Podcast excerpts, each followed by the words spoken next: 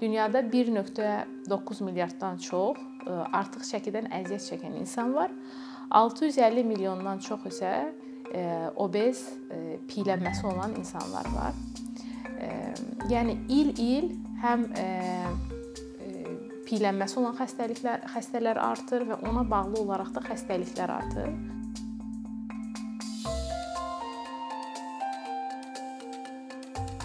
Piylənmə xronik gedən xəstəlikdir. Beylənmə e, endokrin bir xəstəlikdir əslində və onun səbəb olduğu bir neçə xəstəliklər var.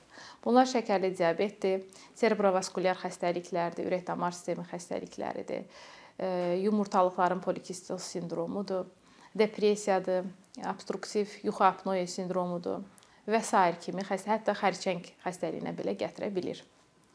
Piylənmənin dərəcələri var birinci, ikinci, üçüncü dərəcəli piylənməyə bölürük. Ümumiyyətlə norma var, normadan yüksək artıq çəki və piylənmə bu cür ayrılır.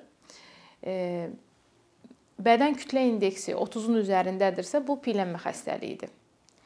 Əgər 30-35 arasındadırsa, yüngül piylənmə, 35-40 arasıdırsa, orta dərəcəli piylənmə, 40-ın üzəri morbid obez, hətta 45-in üzəri super obez dediyimiz e, piylənmə xəstəliyidir.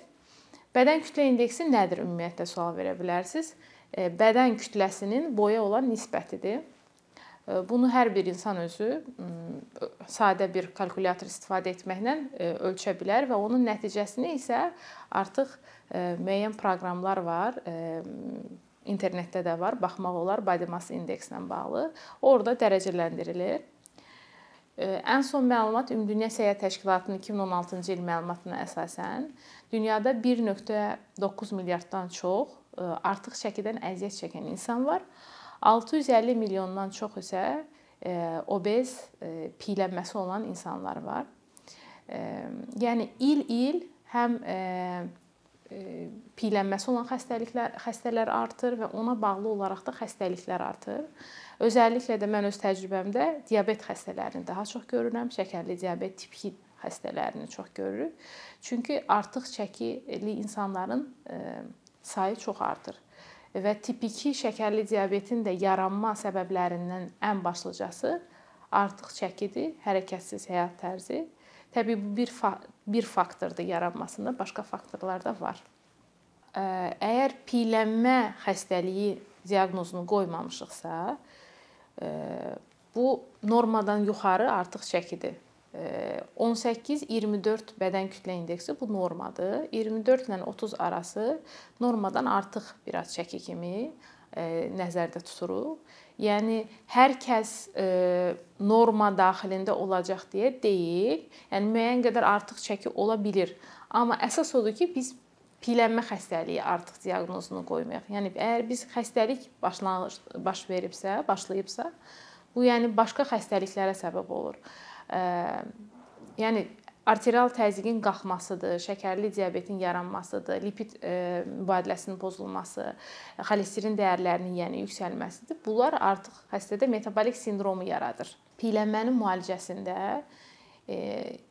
ilk olaraq xəstə gəldikdə xəstəni dəyərləndirdikdən, qan analizlərini verdikdən sonra, müayinə etdikdən sonra biz o xəstəyə ilkin məsləhətimiz təbii dərəcəsinə görə də ayırırıq.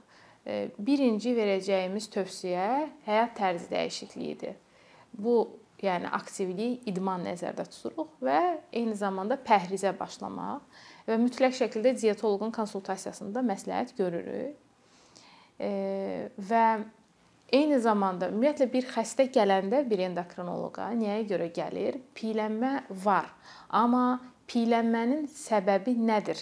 Sadə bir piylənmə xəstəliyidirmi? Yəni az hərəkətlilik və çox yeməyə bağlı, yoxsa altda yatan hər hansı bir endokrin xəstəlikdir ki, hormonal yəni bir xəstəlik, bu xəstənin piylənməsinə gətirib çıxardır. Yəni ona görə öncəsində dediyim kimi fizikal müayinə, anamnez, laborator nəticələr bunu bizə diaqnozu qoymağa kömək edir. Diaqnoz qoyduqda ki, hə bu sadəcə olaraq piylənmə xəstəliyidir, altda yatan başqa bir xəstəliyin səbəbindən yaranmayıbdı. O zaman öncə dediyim kimi mütləq birinci başlayırıq pəhriz və idman və dietoloq konsultasiyası məsləhət görürük. Xəstə eyni zamanda dərman müalicəsi də tövsiyə edirik. Dünyada FDA təsdiq etmiş dərmanlar var ki, onlardan istifadə edirik. Hətta bəzi inyeksiyalar var ki, son illərdə daha çox istifadə olunur. Sadəcə bu inyeksiyaların hansı xəstələrə olar göstəriş, hansı xəstələrə olmaz, bu çox əhəmilidir. Yəni hər xəstə mənim piyələnməm var deyə mən artıq çəkil, yəni piyələnmə var deyə bunu qəbul edə bilməz. Ona görə mütləq müayinə edir endokrinoloq. Bəzi xəstələr həkim müayinəsi və kontrolu olmadan bu dərmanlara və yaxud inyeksiyalara başlayırlar və bunların da yan təsirləri olur. Xəstələr yəni müəyyən orqan çatışmazlıqları baş verir təzyiq yüksəlməsi və ya təzyiqin birdən-birə enməsi, özəlliklə ürək-damar sistemi xəstəlikləri olan insanlarda ciddi problemlərə səbəb ola bilər. Bu şəkil bu tərəfdən çox diqqətli olmaq lazımdır. İkinci bir məsələ isə bəzi insanlar isə FDA təsdiqini tapmış dərmanlar və yaxud da inyeksiya bunları deyil də ümumiyyətlə bazarda müxtəlif arıqladıcı preparatlar var eyni zamanda çaylar, müxtəlif vasitələr var ki, bunlardan istifadə edirlər. Bunları da müxtəlif yollarla reklam edirlər və insanlar bunu artıq sosial şəbəkələr, internet o qədər açıqdır ki, hər kəs hər yerdən bunu məlumat ala bilər. Və xəstələr bu dərmanları qəbul etdikdə sürətli şəkildə arıqlama və dehidratasiya özəlliklə baş verir və bu da başqa bir xəstəliklərin e, triggeri ola bilər.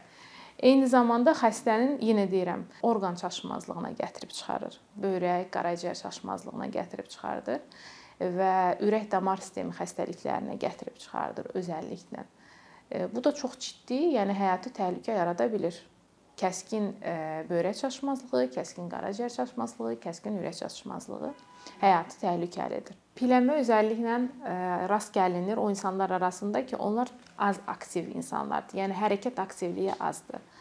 E, eyni zamanda zərərli vərdişləri e, olan insanlar, siqaretli, içki bu insanlar arasında daha çox rast gəlinir. Aşağı gəlirli insanlar arasında rast gəlinir. Orta yaşlı insanlarda və xüsusilə də postmenopauzal dövrdə qadınlarda rast gəlinir özəlliklə. Piyələnmə xəstəliyinin yaranmasında qidalanma çox əhəmilidir. Və özəlliklə düşünürəm ki, bu qidalanma vərdişi ta uşaqlıqdan başlayır. Yəni bir xəstə əgər müəyyən yaşda piyələnməyə gətirib çıxarırsa vəziyyəti, onun uşaqlıqdan bəri bir düzgün qidalanmama vərdişlərinin olduğunu düşünürəm. Ona bilər sonrakı sonradan yaranan vərdişdir, amma uşaqlıqdan bəri olan qidalanma çox əhəmilidir. Çünki bəzi insanlar elə çoxları daha doğrusu uşaqlıqda artıq çəkidən və yaxud da piyələnmə olan uşaqlar olur və sonrasında da bu da norma şəklində davam edir. Aztəminatlı ailələrdə piyələnmə xəstəliyi daha çox rast gəlinir. Bu onların ən ucuz bazarda aldığımız qida karbohidrat olması ilə və daha çox karbohidrat qəbul etdikdə təbii ki, e, karbohidrat e, bildiyimiz kimi parçalandıqda e, enerjiyə çevrilir. Əgər biz karbohidrat yedikdən sonra onu parçalamırıqsa, məsəl üçün yeyib yatırıqsa və ya qeyri-aktiv vəziyyətdə isə o piyə gedir. Yəni artıq parçalanmayan karbohidrat piyə getdiyi üçün piyələnmə artır və o cür e, təminat az təminatlı ailələrdə də bu çox qidanın karbohidrat hissəsi çox olduğu üçün piyələnmə xəstəliyi daha çox rast gəlinir. Qidalanmada balans əhəmilidir. Bu nə deməkdir? E, bütün e, xəstələrə və insanlara da ətrafımda tövsiyə edirəm. Bir boşqab misalını verirəm. Boşqabın 40-45% tərəvəzdən ibarət, %25% protein, %10% un məmulatları, karbohidrat olaraq 10 %10% tərə, meyvə və bir %10-u da hardasa yağlardan ibarət olmalıdır. Bu qayda ilə əgər biz qidalansaq və miqdar önəmli təbii ki, bir boşqabın miqdarı da önəmlidir, nə cür yediyimiz. Bu halda artıq çəki alma ehtimalı aşağı düşür. Və təbii ki, qidalanma tək başına deyil də hərəkət aktivliyi önəmlidir. Yəni aktiv həyat tərzi. Ola bilər ki, siz hər gün idmana getməyə bilərsiniz. Amma gündə ən azı bir 6 kilometr gəzirsiniz, hətta 8 kilometr olsa, bu çox effektli olur və idman etmiş kimi olursunuz. Bu hər bunun ikisinə diqqət etsəniz, artıq çəki alma ehtimalı çox aşağı düşür. Böyüklər qədər uşaqlarda da piyələnmə çox rast gəlinir və ilbəil artır.